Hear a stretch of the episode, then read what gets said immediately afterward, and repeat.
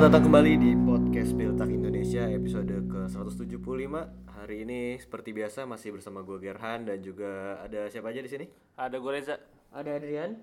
Jadi seperti biasa ya kita kembali lagi eh, setelah lagi-lagi juga kita offline terus nih udah berapa episode. Kabar lu gimana, Ja? Eh aman sih. Minggu ini gue nggak kerja akhirnya. Gue bisa menikmati hari Sabtu dan Minggu setelah sekian lama. Setelah sekitar dua bulan satu minggu pasti kerja kemarin bisa sedikit inilah refreshing nonton konser dikit.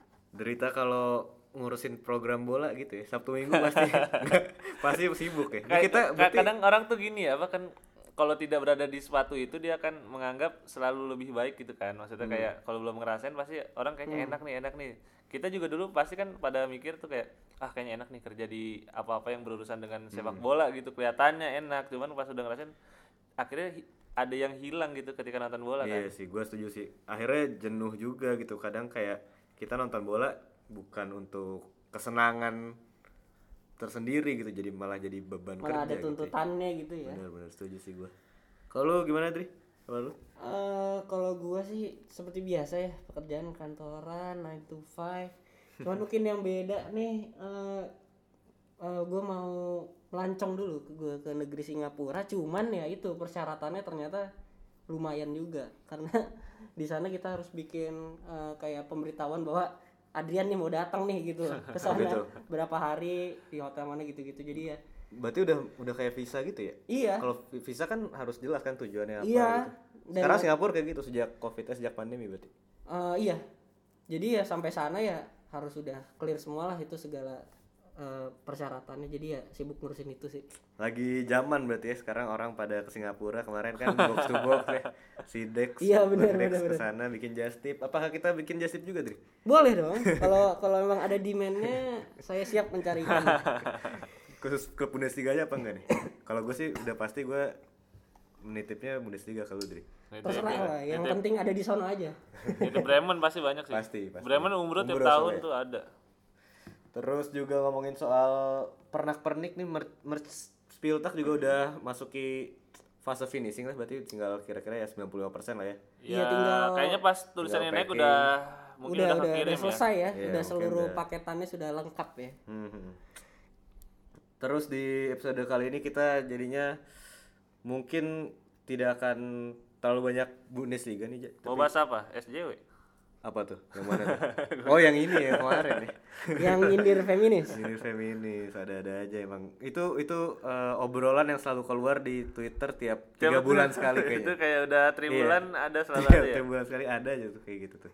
Terus habis itu soal privilege gitu-gitu Iya. ada terus tuh jadinya. Makanya itu kayaknya nggak menarik juga sebenarnya buat dibahas Iya, karena Karena repetitif aja. ya. iya Repetitif. sama-sama kayak kalau di Bundesliga tuh kayak ngomong Bayar lagi. Bayern lagi kan kayak kemarin tuh akhirnya Iya. muncul kan Bayern 7-0 padahal seminggu setelahnya Liverpool 9-0.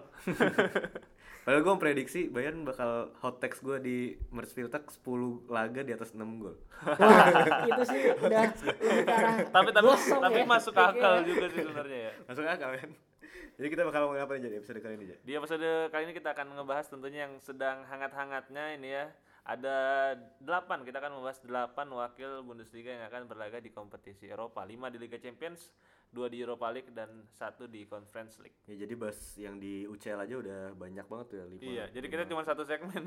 iya, kayak kita bakal satu segmen dulu nih. Tapi sebelum itu seperti biasa recap di pekan ke berapa kemarin? Ketiga apa keempat? Pekan keempat. Keempat ya. Pekan keempat dibuka dengan kemenangan tim kebanggaan gua. Freiburg menang 1-0 atas Bochum. Vincenzo Grifo menjadi aktor penentu dengan satu golnya dan ini menjadi gol ke-38 Grifo di Bundesliga menyamai Luca Toni sebagai pemain Italia tersubur di Bundesliga. Kemudian di hari Sabtu Mainz kalah di kandang 0-3 dengan Leverkusen. Kemenangan pertama Leverkusen, Jeremy Frimpong cetak 2 gol tetapi Gerardo Soane akan bingung di pertandingan berikutnya karena Piero Hincapie dan Mitchell Becker ini mendapat kartu merah pertama dalam karir profesional mereka dan harus absen di laga berikutnya. RB Leipzig juga meraih kemenangan perdana di musim ini menang 2-0 atas Wolfsburg. Christopher Kunku Bres sudah mencetak 25 gol sepanjang 2022 dan itu artinya 35% dari total gol RB Leipzig sepanjang tahun ini. Hoffenheim menang 1-0 atas Augsburg. Untuk pertama kalinya sejak April 2021, Hoffenheim ini clean sheet di dua laga Bundesliga beruntun. Schalke terbantai ini juga cukup mengejutkan sebenarnya ya. Kalah 6-1 dari Union Berlin di kandangnya sendiri. Dan untuk pertama kalinya Union mencetak gol sejumlah 6 dalam satu laga di Bundesliga. Kemenangan terbesar dalam sejarah mereka juga di Bundesliga setelah sebelumnya kemenangan terbesar adalah ketika menang 5-0 versus Arminia Bielefeld pada 2020. Dortmund kembali ke jalur kemenangan, menang tipis saja 1-0 atas Hertha dan Anthony Modest mencetak gol pertama bagi Dortmund. Dia sudah mencetak 84 gol di Bundesliga dengan tiga tim berbeda dan hanya tertinggal dua gol dari Frank Ribery sebagai pemain Prancis tersubur di Bundesliga. Dan hasil yang paling menuai banyak kejutan adalah Bayern ditahan imbang satu-satu da- oleh Gladbach dan Jan Sommer ini lagi-lagi setiap lawan Gladbach selalu menjadi pahlawan dia Lawan Bayern. Setiap lawan Bayern ya kenapa setiap lawan Gladbach. Setiap lawan Bayern selalu mencatatkan banyak penyelamatan fenomenal. Kemarin ada 19 penyelamatan gokil banget dan ini jadi rekor, Rekor ya. di Bundesliga dalam satu laga. Sebelumnya Svolov itu 14 saves dalam satu laga. Gila, bedanya 5 loh. FC Köln imbang lawan Stuttgart 0-0 dalam tiga dari empat laga Bundesliga musim ini lucunya ini lawannya Köln selalu diganjar kartu merah oleh wasit. Ada Dominic Drexler, Dominic Soboslai dan kemarin Lucas Favre. Dan laga apa dan minggu ini ditutup oleh laga yang sangat fenomenal. Menurut gue ini sangat sayang kalau dilewatkan. Werder Bremen. Sebenarnya sempat comeback ya lawan Eintracht. Dari Iya, dari 2-1. kalah 1-0 jadi 2-1 2-1 akhirnya di comeback lagi dan kalah 4-3 dari Eintracht Frankfurt di mana Mario Götze mencetak gol pertamanya sejak kembali ke Bundesliga dan bukan kebetulan dia mencetak gol ke gawang Bremen karena Bremen merupakan tim yang paling dia sering hadapi 17 kali dan tim yang paling sering dia bobol 7 kali sepanjang karirnya. Jadi kayak ini nih Götze. Götze favoritnya Bremen. Royce juga favoritnya Bremen. Iya, emang Sebagai ini. Kayaknya- Sama Thomas Muller juga favoritnya Bremen. kayaknya kayaknya kalau Bremen Iya, ya. karena apa ya kayak mungkin karena Bremen mainnya juga Kalau kan lawan kan kalau tim tim-tim tim-tim nanggung itu kan maksudnya dia nggak bertahan tapi eh nyerangnya juga nggak bagus-bagus amat gitu kan Iya sih benar sih. Tapi ya lumayan lah. Werder kan salah satu yang terbanyak ya musim ini iya golnya. Jadi menjadi pekan yang menggembirakan bagi Adrian dan Reza ya kecuali buat gua. Tapi ya gua nggak apa-apa lah ya lawan tim kelas UCL kan hitungannya Entra. Tapi masih fighting sampai menit 90 plus worrying 2 juga kan. ya Worrying Pertahanannya defense, defensifnya worrying sih kena mulu tuh long shoot dari tiga pertandingan kayaknya. Eh yang mengejutkan di papan klasemen Union Freiburg ini peringkat 2. Eh Freiburgnya peringkat 3, Unionnya peringkat 2 maksud gua. Bayern seperti biasa, tapi poinnya sama nih, Bayern dan sama Union. minggu depan Bayern versus Union Gokil. Jadi duel der klassiker. nggak ada klassiker juga dong The big match-nya cuman dua dua dua Pekan pekan depan dua pekan Bayern beruntun ya Union. iya dua Iya. pekan beruntun peringkat satuan peringkat keduanya ketemu Oh kemarin Gladbach ya peringkat Iya. dua. Iya benar benar benar baru sekali gini kayaknya nih selama gue nonton Bundesliga nih. Eh jadi paling itu tadi recapnya dan kita bakal ngomongin seperti yang udah disinggung pertama tadi minggu lalu ya apa berapa hari lalu sih eh, pembagian grup stage hari Kamis Kamis. grup malam stage UCL ya kan udah dilakukan dan sudah fix nih berarti 5 klub eh, dari Bundesliga akan berlaga di UCL musim ini. Berarti kita bahas dari kalau menurut gue sih bahasnya dari pot ya? per pot aja. Iya benar per pot. Jadi kita bakal bahas dari pot pertama tentu dari tim terbaik ya di Bundesliga. Mungkin salah satu tim terbaik di dunia juga saat ini. Bayern Munchen di mana dia tergabung di grup C. Ada Barcelona ini Robert Lewandowski langsung comeback lagi ke Allianz Arena. Terus ada Inter Milan. Ini juga tim yang menurut gua udah sering dihadapi sama tim Bundesliga di beberapa musim terakhir dan ada ini tim yang tentu senang banget bisa menyambangi klub-klub raksasa dari Jerman, Italia dan Spanyol yaitu Victoria Pilsen. ini kalau nggak salah pas bacanya juga bingung si siapa? Siapa ya? Yang bacanya lupa gue siapa tapi agak bingung Victoria Pilsen. Pilsen. ini tim asal Republik Ceko. Jadi gimana Ger menurut lo peluang Bayern untuk mungkin jadi juara grup di grup ini tergabung dengan Barca dan juga Inter. Kalau gue sih masih optimis Bayern bakal tetap juara grup di UCL Group Stage musim ini. Karena juga kalau kita lihat kan lawannya Barcelona, terus juga Inter bisa bi- bisa dibilang dua tim yang sebenarnya belum stabil-stabil banget, bisa bilang baru memupuk lah. Apalagi Barcelona banyak pemain baru musim ini kayak di back tuh dia Konde baru masuk, terus juga Andreas Christensen, terus juga di tengah ada Frank Kessie baru masuk dan yang paling menonjol tentu saja di lini depan nih Lewandowski terus juga eh Osman Dembele balik lagi. Eh, siapa sih beli depannya lagi? Rafinya. Rapinya. Rafinya bener ya kan jadi ini emang menurut gua masih jadi eh, mungkin belum terlalu stabil cuman memang secara kualitas sebenarnya ini menurut gua tim Barcelona yang terbaik sejak Messi pindah sih menurut gua Ini kan baru Iya. baru dua musim baru dua musim. tapi bener musim lalu Tapi berarti bener omongannya. Bener. Kan tahun lalu itu yang main masih Yusuf Demir. Iya. Bener. iya benar-benar jadi menurut gua sih secara kualitas sebenarnya nggak begitu jauh juga dengan Bayern Munchen mungkin ya cuman secara pengalaman secara mentalitas eh, Bayern Munchen menurut gue tetap jadi yang paling baik di grup ini dan yang gue setuju juga menurut menurut gue si Inter nih juga cukup berpengalaman ketemu lawan eh, tim Bundesliga berapa musim terakhir tuh dari Gladbach, Leverkusen di UL ya kan Dortmund sama juga pernah di sih. Dortmund iya Dortmund Iya, yang Dortmund. segrup sama Spurs bukan sih Iya. yang pas yang sama Barca ya Eh, kayak kayak Spurs deh. Spurs ya iya ah. benar-benar I- Inter terus juga dia ketemu Eintracht juga di UL jadi menurut gua Inter juga punya modal yang menurut gua cukup bagus juga dengan pengalaman itu tadi. Paling kalau menurut gua kesulitannya Victoria sih. Ya. enggak enggak kalau menurut gua eh, paling si Nagelsmann bakal fokus mencari ininya eh, cara rotasi yang paling baik untuk Bayern saat ini gimana gitu. Apalagi kan jadwal nih kita tahu padat banget udah menjelang World Cup November nanti bisa bisa hampir tiap pekan kayaknya bakal ada midweek. Apalagi besok juga Bayern akan main di Pokal baru main. Jadi bisa jadi jedanya tiga hari tiga hari doang nih. Jadi menurut gue itu sih paling kesulitan dari Nagelsmann ya menemukan cara untuk tetap eh, bisa mem- mempertahankan performa tapi dengan pemain-pemain yang juga tetap fit gitu menurut gue. Barcelona dan Internazionale ini, Dri. Menurut lu di antara dua tim ini siapa yang bakal lebih menyulitkan Bayern gitu? Karena memang kan Bayern kan posisinya sebagai pot pertama ya, sebagai unggulan. Menurut lu siapa yang mungkin bisa menyulitkan Bayern? Barca atau Inter?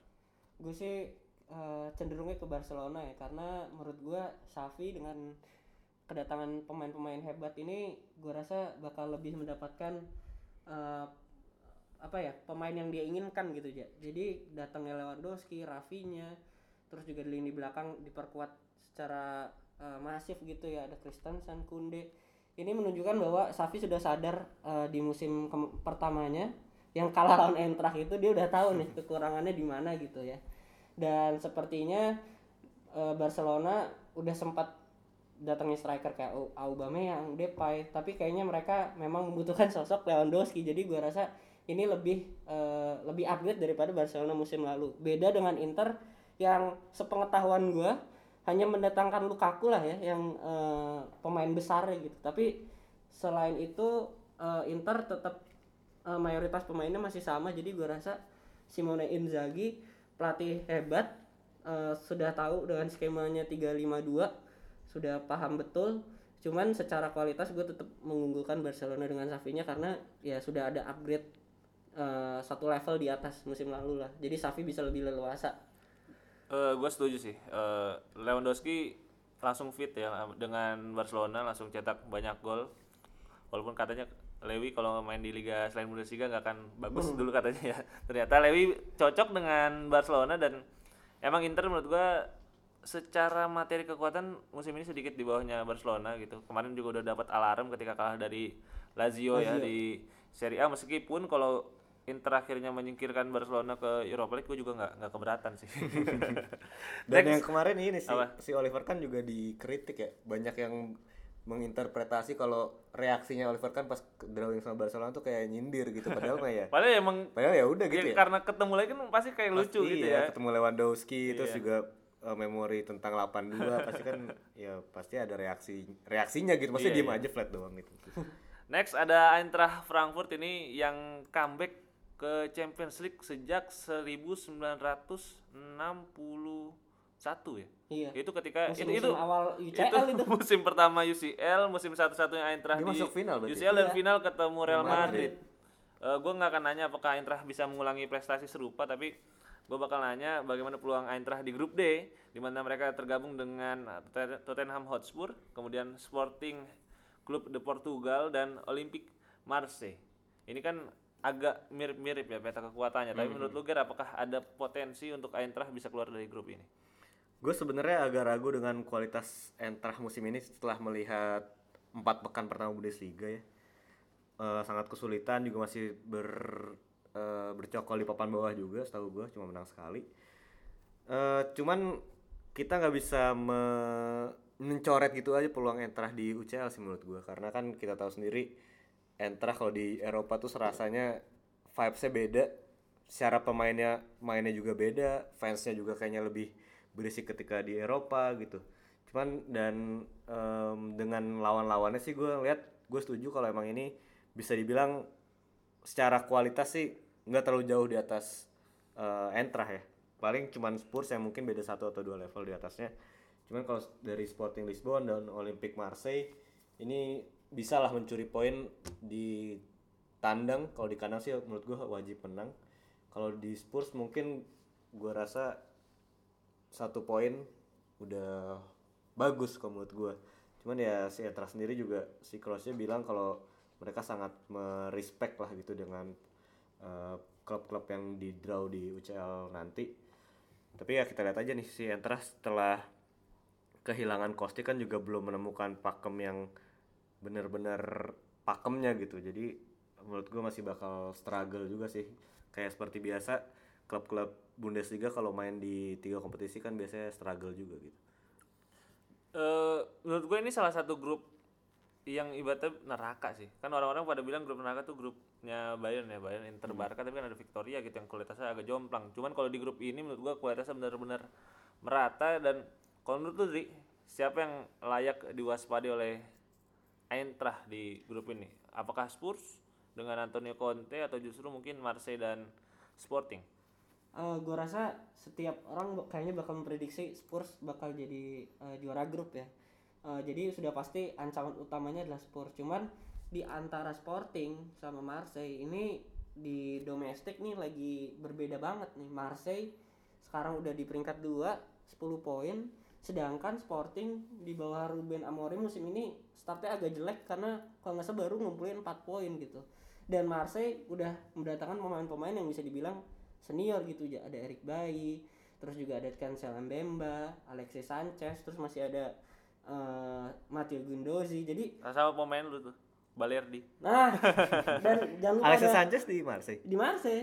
Sama ada Seat Kolasinac juga. Jadi pemain-pemainnya Marseille gua rasa walaupun di awal musim ada penolakan terhadap Igor Tudor sebagai pelatih baru cuman Marseille sudah tahu betul eh, dia main di kompetisi Eropa akhirnya juga menambah eh, jumlah pemain yang dibarengi juga dengan pengalaman dan kualitas ya. Jadi gua rasa Frankfurt bakal eh, kesulitan lebih kesulitan menghadapi Marseille gitu Tapi untungnya ini ya, maksud gue si Entrah nih si Glasner punya rekor yang bagus ketika di Eropa gitu baru kalah lima kali selama 20 30 pertandingan berarti. Kali lima kali doang. cuman iya Cuman itu rasionya gede banget untungnya yang itu kan di Europa League jadi ini menjadi musim pertamanya di UCL untungnya grupnya ini grupnya kelas ini Europa League maksud untungnya. itu. Jadi kayak sebenarnya eh kalau kita bahas Spurs, Sporting, Marseille yang nggak nggak lebih baik daripada misalnya Barcelona gitu yang Iya, mereka temui musim lalu atau Iya. Rangers di final ya masih so-so lah masih Masih ya, ya, ya. toh Barcelona dan Rangers juga yang mereka lawan akhirnya kan main di Champions League musim ini juga dan menurut gue emang nanti Eintracht bakal head to head dengan Marseille gitu ya tanpa mengesampingkan kualitas mereka gitu gua rasa Spurs masih terlalu hebat ya di Iya, bawah Antonio setuju, Conte setuju. bagus banget sumpah mainnya Iya. di musim ini dan Sporting emang benar-benar kehilangan dua gelandang mereka yang pindah ke Inggris Mateus Nunes Oh iya sama dan, Joao dan juga ya. Joao Palhinha Iya, itu menurut gua bakal kerasa banget next kita bahas di pot 2 ini ada RB Leipzig yang akhirnya terhindar dari grup neraka karena setelah bertahun-tahun gue lihat nih grup dia dapat susah mulu susah ya. terus emang didoain sama fans-fans di Jerman ya kayaknya ya. musim ini mereka tergabung dengan juara bertahan Real Madrid kemudian di pot ketiga ada Shakhtar Donetsk dan di pot keempat ada Celtic FC ini menurut lu Ger apakah menjadi grup yang lumayan ringan jika dibandingkan dengan musim lalu ketika mereka tergabung dengan Manchester City, Paris Saint-Germain dan juga klub Brugge. Sejujurnya ini lebih ringan satu level lah, cuman masalahnya di sini dia bakal bertemu sama juara bertahan Real Madrid yang menurut gue peluang RB Leipzig lawan Real Madrid sangat kecil sih untuk bisa menang ya. karena kalau Real Madrid sama kayak Eintracht Frankfurt lah DNA-nya DNA Eropanya tuh kental sekali gitu Itu finalis tahun pertama ya soalnya. Iya. Madrid Entra. OG-nya nih. OG drill OG dan satu lagi juga si Shakhtar kan juga bisa dibilang ini tim yang selalu langganan UCL tiap musim juga gitu dan selalu menyulitkan tim-tim besar juga gitu sementara RB Leipzig kan bukan tim besar berarti bisa menang ya jangan-jangan dan satu lagi ada klub eh inilah tradisional lah Celtic FC gue nggak tahu nih kapan terakhir kali dia lolos UCL kayak udah agak lama juga Iya, ya. udah agak lama. Yang Udah agak memori gue Celtic Memori- itu yang memori pas, gua yang pas- Foster lawan Barca tuh. Iya. menurut gue yang, Save-nya banyak banget yang tuh. yang menang 1-0 tapi golnya counter attack sekali doang Iya. Itu Barca. lawan Barcelona. iya itu. iya Mbak, iya Mbak, kan Udah 10 tahun itu. 10 tahun ya Iya. yang ada artis siapa nonton sampai nangis dia nonton karena sangat Memorable historical ya. memori- memorable nah di Celtic sih gue nggak begitu perhatiin siapa pemain-pemainnya yang mungkin bakal bagus gitu ya di Celtic saat ini gue tahu cuma ada pemain-pemain Jepangnya yang Iya. terkenal ya Kyogo Furuhashi. kalau di Shakhtar nih ada Yevhen Konoplyanka nih legend, Legend. Bundesliga nih Emang Dan- ini grup lumayan menarik sebenarnya. Gua gua rasa eh, Champions League tahun ini tuh nggak nggak terlalu banyak. Kan kalau dulu tuh Iya, pasti iya, pot iya. empat tuh pasti, Pasti eh, gembel jelek-jelek. gitu kayak jangan lu Bate Borisov, Hmm. Anorthosis Famagusta gitu kan sekarang pot- Paok ya gitu ya Iya. Sekarang mungkin ya cuman Maccabi Haifa Hmm. atau Copenhagen gitu, tapi ada tim-tim kayak Celtic gitu yang bahkan masuk ke pot keempat. Kita nggak bisa mendiskreditkan juga Celtic bersama Ange Postecoglou juga lumayan bagus Iya. ya, membawa Upgrade banget tuh dia. membawa banyak pemain dari Jepang, Kyogo Furuhashi juga bagus banget gitu. Terus Tapi eh, menurut gue ini sih, ini sebenarnya yang bakal menyulitkan RB Leipzig sebenarnya Domenico Tedesco nggak punya rekor yang bagus di UCL. Dia kita ingat terakhir kali main di UCL tuh waktu pas ngelatih Schalke. Dia dibantai City terakhir kali di eh, 16 besar. Ya tapi itu udah bagus untuk hitungan Schalke. Untuk itu kan ya? itu Iya, Schalke di di musim di mana mereka udah mulai Udah turun penurunan kan, ya, udah iya, mulai benar-benar. penurunan. Kalau menurut Dri, ini eh RBL mungkin bakal ngelepas ya. Real Madrid gua rasa tetap juara grup, tapi untuk dapat runner up nih mereka kuncinya bakal ketika ngelawan siapa?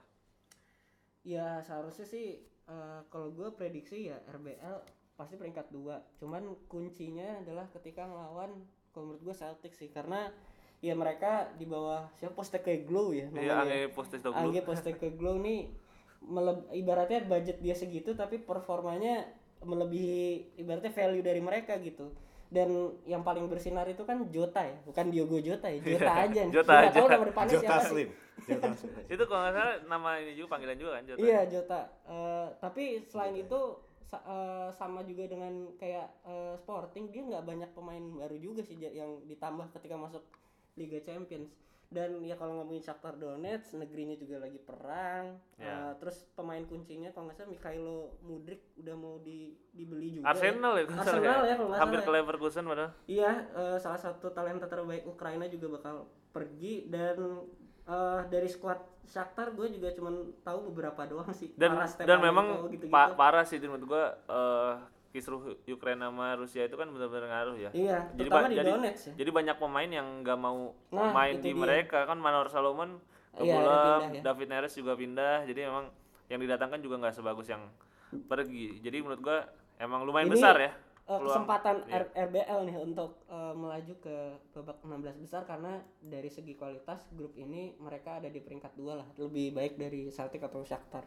Next kita ke pot ketiga ada Borussia Dortmund di mana mereka tergabung dengan Manchester, City, kemudian ada Sevilla dan juga Copenhagen. Mungkin dari lu dulu, Dri, sebagai fans Dortmund melihat musim lalu Dortmund benar-benar hancur di Eropa, tidak lolos 16 besar UCL, kemudian turun ke Europa League juga langsung kalah dengan Rangers. Apa lu? Apakah lu optimis gitu melihat grup UCL-nya Dortmund musim ini?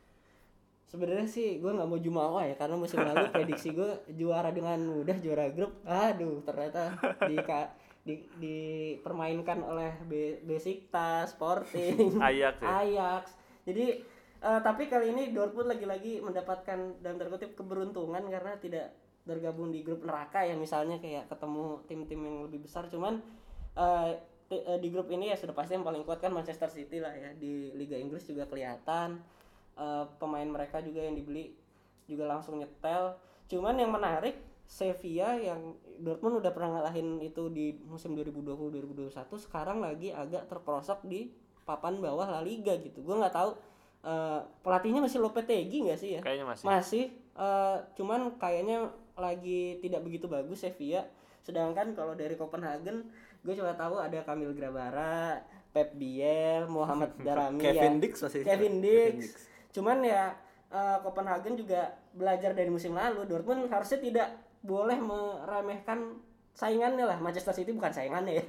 Ini kita mengeluarkan Manchester City. Tapi yang jelas Dortmund harus nemu konsistensi aja sih di di setiap pertandingannya karena awal-awal musim lalu itu kalau nggak salah dua kali kemenangan gitu tapi Iya. justru malah finishnya di peringkat tiga di grup yang relatif mudah dan semoga pengalaman ini sudah di, dipelajari oleh Terzic gitu untuk bisa diantisipasi biar bisa konsisten di enam pertandingan gitu. Emang harus maksimal lah Dortmund ini kan karena eh, pot duanya udah lumayan beruntung ya. Dapat Sevilla itu kalau kita bandingkan bisa aja mereka di situ dapat mungkin Barcelona Nah, bisa aja dapat misalnya Atletico gitu kan. Masih banyak tim yang lebih bagus di di pot 2 dan mungkin orang-orang pasti berharap dapat pot 2 tuh kalau nggak Spurs ya Sevilla gitu.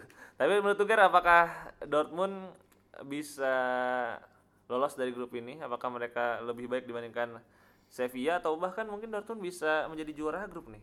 Karena terakhir kali mereka ketemu Manchester City itu kan Iya, musim karena hanya kalah hanya kalah karena satu eh, wasit yang kedua karena Emre kebodohan Emre Can Kalau menurut gue ini mungkin hot take sih, cuman kalau menurut gue Dortmund ini adalah klub dengan dibandingkan klub Bundesliga yang main di UCL ini menurut gue peluang paling kecil untuk lolos Dortmund sih kalau menurut gue. waduh take yang sampai gosong nih ya panas lagi nih Karena ya itu tadi gue nge ngelihat dari musim lalu gimana mereka di laga-laga yang Krusial, seharusnya bisa menang mereka nggak menang. Ini kan juga kejadian di Bundesliga juga kan banyak mereka eh, ketika lawan misalnya Paderborn kesulitan, terus lawan kayak Hertha Berlin musim lalu juga kalah. Lawan Werder Bremen aja udah kalah gitu. udah baru berapa pertandingan iya ya? nih. Kan apalagi Werder Bremen ada pemain bekas Copenhagen, Jan Stage yang bakal ketemu nanti Copenhagen. Ngasih tahu ya, ngasih tahu ya cara Iya, ngalahin cara Dortmund. ngalahin Dortmund gimana gitu. Terus juga ini mantan timnya ini kan Augustinson Naudelani kan Iya benar, Iya. Agustin Sundelani juga. Ah, ada di Sevilla tuh. Udah. Agustin Sudela di Agustin Sevilla. Sudela. Udah ke dipinjam Villa ya? dipinjemin Dipinjem. ke Premier League ke Aston Villa. Bener-bener. Dan sebenarnya yang gua agak heran nih kenapa City tuh sering banget ketemu sama Tim-tim yang tim-tim itu ya. Liga Jerman gitu.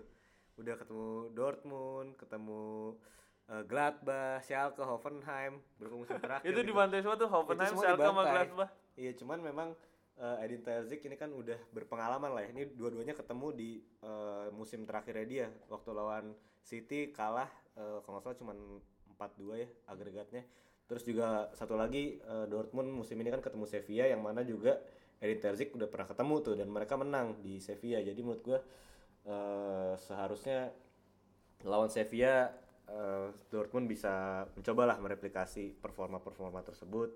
Cuman memang secara squad kan ini squad baru juga, bedanya nggak ada Erling Haaland, justru malah Erling Haaland udah di City nih saat ini. Dan menurut gua ini bakal kita tahu sendiri City ketika kedatangan Haaland juga levelnya berubah juga jadi lebih klinikal. Kemarin juga pas pertandingan lawan siapa City? Eh, Crystal Palace, Palace, ya. ya. Crystal Palace comeback, lawan Newcastle juga comeback. Dan kalau lihat gol-golnya Haaland itu adalah gol-gol yang memang tipikal positioningnya striker banget Iya. yang nggak ada di City musim lalu menurut gue. Jadi menurut gue City bakal jadi sangat sulit untuk dilawan sama Dortmund. Kalau Sevilla menurut gue masih bisa menang. Cuman ya itu tadi gue masih agak ragu dengan performa angin-anginan Dortmund ketika lawan klub yang seharusnya bisa menang gitu. Iya emang kalau menurut gue sih secara squad masih bisa lolos ya Hmm. Dortmund cuman ya sekali lagi jangan berharap Jangan berharap. dengan Dortmund itu kuncinya sih Iya. ya wakil terakhir Bundesliga di UCL yaitu Bayer Leverkusen. Mereka tergabung di grup B dengan FC Porto kemudian Atletico Madrid dan juga klub Brugge. Ini lagi-lagi eh, lumayan beruntung ya si Leverkusen di pot satunya dapat Porto pot keduanya dapat Atletico karena ma- masih banyak kemungkinan yang lebih buruk gitu buat mereka. Eh, menurut gue lumayan terbuka grup ini. Siapa pun yang ada di grup ini bisa lolos. Tapi menurut gue peluang mereka lolos akan semakin besar jika bisa mengalahkan Porto. Kalau menurut lu gimana, Dri? gue setuju sih karena kalau klub Brugge sendiri kan habis ditinggal banyak pemain ya. Dan ditinggal CDK pelatih ya. juga. Iya, terus ada Lois Openda yang jadi striker pindah walaupun juga udah ngedatengin Roman Yaremchuk dari Benfica yang musim kemarin main bagus di Benfica dan jadi eh, selain Darwin Nunes nge, nge-carry Benfica ke delapan besar gitu. Eh, kalau Porto sendiri gua rasa Concacao kemarin baru musim kemarin kan baru ngejuarain eh, ngejuarain Liga Portugal ya. Dan kalau dari sisi pemain ya campuran eh, kayak PP masih masih ada. Terus ada juga eh, Marco Grujic yang sudah jadi eh, pemain senior juga di sana. Dan ya klasik tim Portugal lah yang mengandalkan kecepatan winger-wingernya eh, pada skillful semua nah yang gue takutin nih Bayer Leverkusen nih di beberapa pertandingan Bundesliga lini belakangnya nih agak kacrut ya. Baik dari komunikasi maupun eh, performa individu juga eh, kayak di pertandingan kemarin kan kartu merah ya. Iya. jadi gua rasa Leverkusen harus menyelesaikan eh, permasalahan dirinya sendiri dulu lah baru bisa eh, untuk memfokuskan ke lawan-lawannya lah. Tapi kalau eh, setim eh, segrup sama Atletico Madrid ya musim ini setahu gue juga lagi mencoba formasi baru 352 dan sejauh ini efektif gue rasa Bayer Leverkusen benar kata lu harus menang lawan Porto ya dengan menganggap klub Brugge ini bisa dikalahkan juga ya Eh, memang Leverkusen agak mengkhawatirkan performanya di awal musim meskipun sudah menang ya lawan Mainz di pekan ini. Tapi menurut Tuger apakah Leverkusen bisa lolos dari grup ini atau menurut tuh peringkat ketiga juga udah cukup bagus buat tim ini? Kalau ngeliat dari saingannya Porto dan Atletico gue ngeliat eh, Leverkusen sulit sih untuk lolos menurut gue ya. Tapi tidak mungkin tidak semeragukan Dortmund kalau menurut gue. Karena gue tetap tetap tapi eh, kita tahu juga Leverkusen di UCL selalu di Eropa lah terutama selalu sering banget mengecewakan gitu. Nggak ketika diharapkan juga mereka sering banget bottling. Terus juga apalagi nih untungnya sih mereka nggak lawan tim-tim sebesar Barcelona terus juga Liverpool gitu ya. Liverpool gitu. Dan ketemu Porto Atletico Madrid itu dua yang paling sulit. Kalau Brugge gue juga setuju sama Adrian kalau ini wajib menang lah ya kalau lawan Brugge jadi lolos ke Europa League pun menurut gue udah lumayan oke lah ya kalau kita berkaca ngeliat eh, si Leverkusen musim ini di Bundesliga sejauh ini juga kurang sangat jauh underperform sih menurut gue Ya semoga bisa bangkit sih. Hmm. Dan emang laga lawan Porto juga sangat menentukan. Menurut gua Porto juga konsisten ya di beberapa musim terakhir tuh. Iya di Eropa main bagus terus di Eropa selalu lolos biar ketemu Liverpool. biar dibantai Liverpool dibantai lagi. Terus Dibantai kipernya selalu aneh gitu ya kalau kalau lawan Liverpool. Dan kalau klub Brugge ini menurut gua disadvantage itu karena ditinggal Stroy Diola. Oh iya, ya walaupun Noalang sama Charles de Catelare yang lebih ngaruh ya. iya Itu dua-duanya jadi banyak perubahan lah di benar. klub Brugge ya Gerardo Sewani juga nggak punya rekor yang bagus ternyata di UCL banyak kalahnya tuh ya Ya- ka- sekali ya karena timnya Young Boys. Iya, karena Young Boys dan grupnya yang terakhir juga Juve, Neraka sih MU, gua. Valencia. Itu, neraka untuk neraka. Young Boys. sih. Neraka untuk Young Boys. neraka untuk Young Boys. ya menurut gua Seane ya peringkat tiga juga udah cukup bagus lah karena mungkin di Europa League nanti bisa lebih bersaing. Dan di Europa League eh, ada dua tim dari Bundesliga ya. Ada Union Berlin dan SC Freiburg. Ini dua-duanya masuk pot ketiga karena ini juga karena dikatrol sama koefisiennya Bundesliga di mana tim ini kan kita tahu Union baru sekali main di Eropa dalam lima musim terakhir. Freiburg juga baru sekali main di Europa League dalam lima musim terakhir jadi emang koefisiennya kecil gitu beruntungnya sebenarnya tidak bertemu dengan klub-klub yang besar gitu. Tidak bertemu Arsenal tidak bertemu AS Roma Lazio Manchester United gitu. Union Berlin bergabung di grup D dengan Braga. Tim asal Bandung ya Tri. Favorit Braga tempat wisata ya. Braga. Eh, Malmo dan juga Union Saint Gilloise Yoi, ada derby Union berarti ini. Iya, ada derby Union di Derby grup Union. ini. Lu bagaimana Dri melihat Union Berlin ini mendapatkan kesempatan kedua berlaga di Eropa setelah musim lalu itu kalahnya dari Maccabi Haifa. Apa maksudnya gugurnya itu satu grup sama Maccabi Haifa, Slavia Praha dan Feyenoord. Feyenoord. Iya. aduh harusnya sih Union Berlin eh, tapi kayaknya musim ini gue ngerasa Union Berlin jauh lebih eh, konsisten ya kayak di Bundesliga nih sudah eh, ketemu ba- berbagai macam jenis tim dia bisa selalu cetak gol lah kecuali lawan main sih. Tapi sel- selain itu dia selalu cetak lebih dari satu gol kalau nggak salah ya. Dan kayaknya duet eh, Baker dan Shibachu eh, juga bisa diandalkan di laga-laga krusial. Tapi yang mungkin yang jadi PR lagi adalah bagaimana meramu ya pemain yang sebegitu banyak kualitas juga mirip-mirip tapi di Europa League kan biasanya ada tendensi untuk ada beberapa pemain yang dirotasi lah jadi bagaimana Urs Fischer harus jeli untuk melihat eh, lawan-lawan mana yang sekiranya jangan dirotasi gitu pemain-pemain intinya yang sudah punya chemistry-nya bagus sudah pemahaman taktiknya oke dan gua ngelihat sepertinya Braga yang masih kayaknya setia juga main di kompetisi kedua Eropa, ya? nih. Dari Iya, zaman waktu lawan Liverpool. iya makanya. Ini sepertinya tim yang dibuat hanya untuk Europa League gitu dan maksudnya di beberapa musim terakhir juga selalu konsisten eh, finish di empat besar lah ya di sana dan eh, kalau dari pemain sih ini pemain ya balik lagi karena pemain football manager ya pemainnya Ricardo Horta, Yuri Medeiros, tapi ada juga nama-nama yang udah beken Abel. Ruiz ya, Abel, Abel Ruiz. Ruiz sama dari Libya Ali Musrati yang ini jadi pemain underratednya Liga Portugal selain Gue nggak tahu tuh. Stefan Eustakio. Nah, itu. yang main di Sporting tuh tadi lupa gue mention tuh. Itu kan wonderkidnya Braga ya.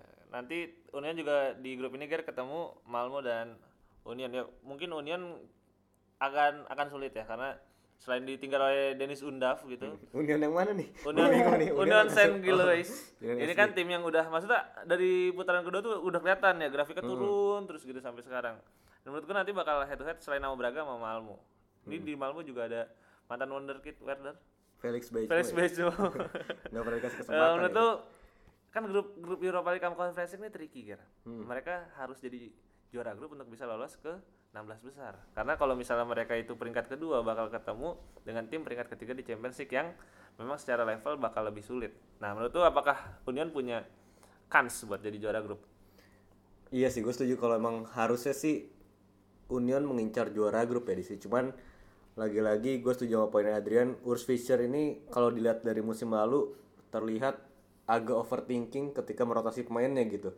Musim lalu kan di UCL dia mainin Vogel Summer, Kevin Behrens gitu. Sering banget main Yang lagi bener- masalahnya. Yang rotasinya tuh bener-bener Ekstrim ya. ekstrim menurut gua dan itu yang bikin beberapa klub Bundesliga gitu yang memang belum established jadi kesulitan kalau main di Eropa gitu kan kayak Freiburg terus juga FC Köln baru musim lalu juga mengalami hal yang sama dan menurut gua jadi Union Berlin memang si Urs Fischernya harus menemukan eh, PR dari itu yang harusnya sih mereka udah belajar dari pengalaman musim lalu dan secara permainan musim ini pun Union Berlin udah lebih kolektif tidak mengandalkan Awoni dan Max Kruse yang di mana musim setengah musim lalu itu kan terlalu eh, dependent lah sama mereka. Musim ini kayak Christopher Trimmel udah bisa dirotasi Julian Riersen terus juga ada bek kanannya siapa sekarang? Eh Terima sama Rierson kanan. Ri- iya Trimmel tapi kadang dirotasi yang kirinya Kirinya Giselman main ya kan? ya paling eh gue nggak nggak tahu seberapa bergantungnya Union Berlin dengan Seraldo Becker dan se- si Baceu. Cuman harus dicari aja nih kalau menurut gue kira-kira si Seraldo Becker akan dimainkannya di laga-laga yang mana aja gue sih sama tadi sih.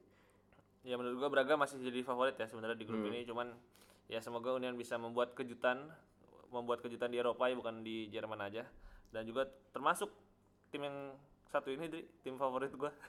Freiburg ini gue juga berharap bisa membuat kejutan karena nggak tahu kenapa ini grup-grup Eropa tim Jerman musim ini tuh membuat kita optimis gitu. Untuk semuanya delapan delapannya bisa lolos dari grup stage di mana Freiburg itu pot satu dapat Olympiakos coba. Padahal ada Arsenal ada Roma ada itu hokinya United. ya sebenarnya. Ya. pot satu Olympiakos sebenarnya pot duanya dapat Karabak cuman pot empatnya sebenarnya agak unlucky ya. nih ketemu nanti ini ya mungkin lawan terberat dari seluruh tim di pot keempat ya. Tapi menurut lu Dri apakah Christian Streich ini bisa membuat kejutan di Europa League?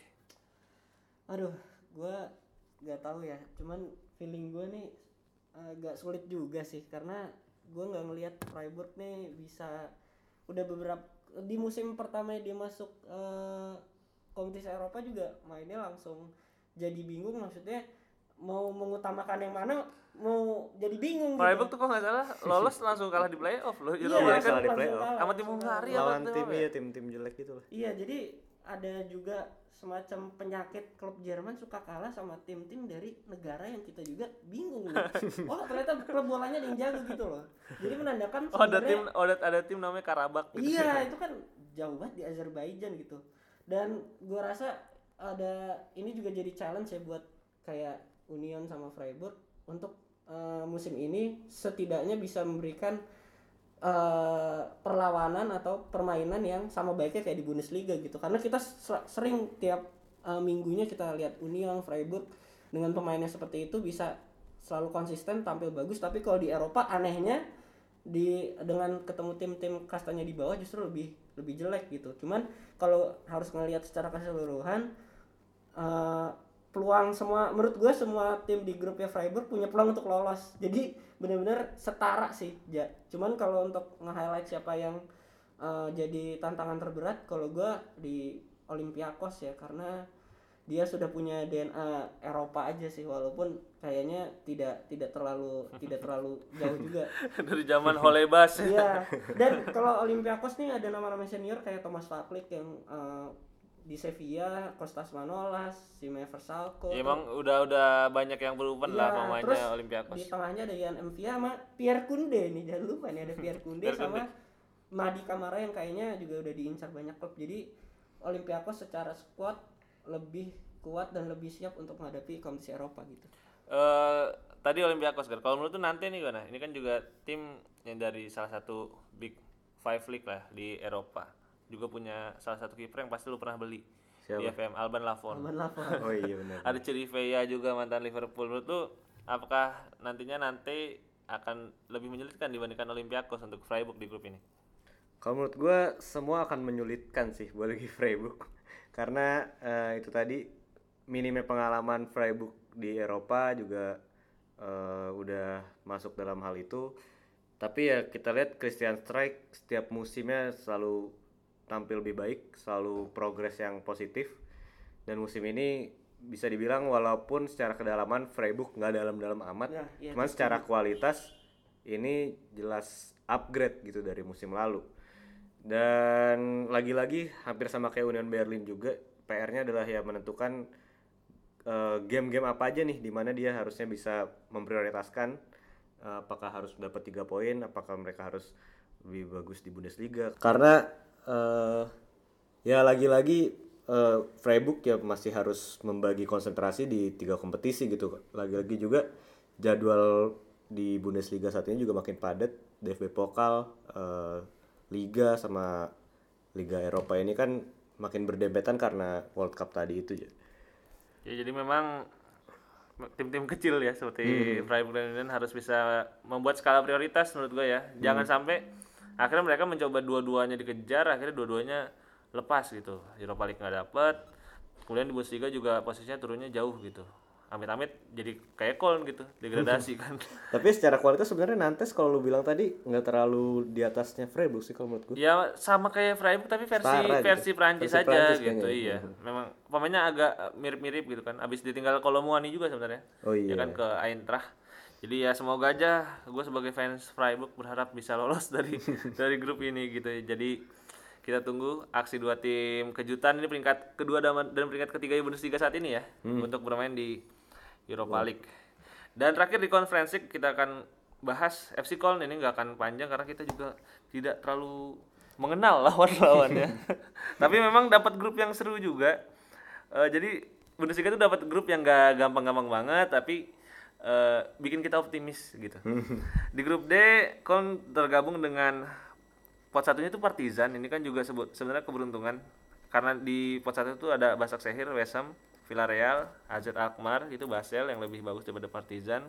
Tapi pot ketiganya dapat Nice. Terus pot keempatnya Slovako gua nggak nggak nggak tahu lah. Tapi Nice ini loh, Dri. kan ada mantan pelatih loh, Dri.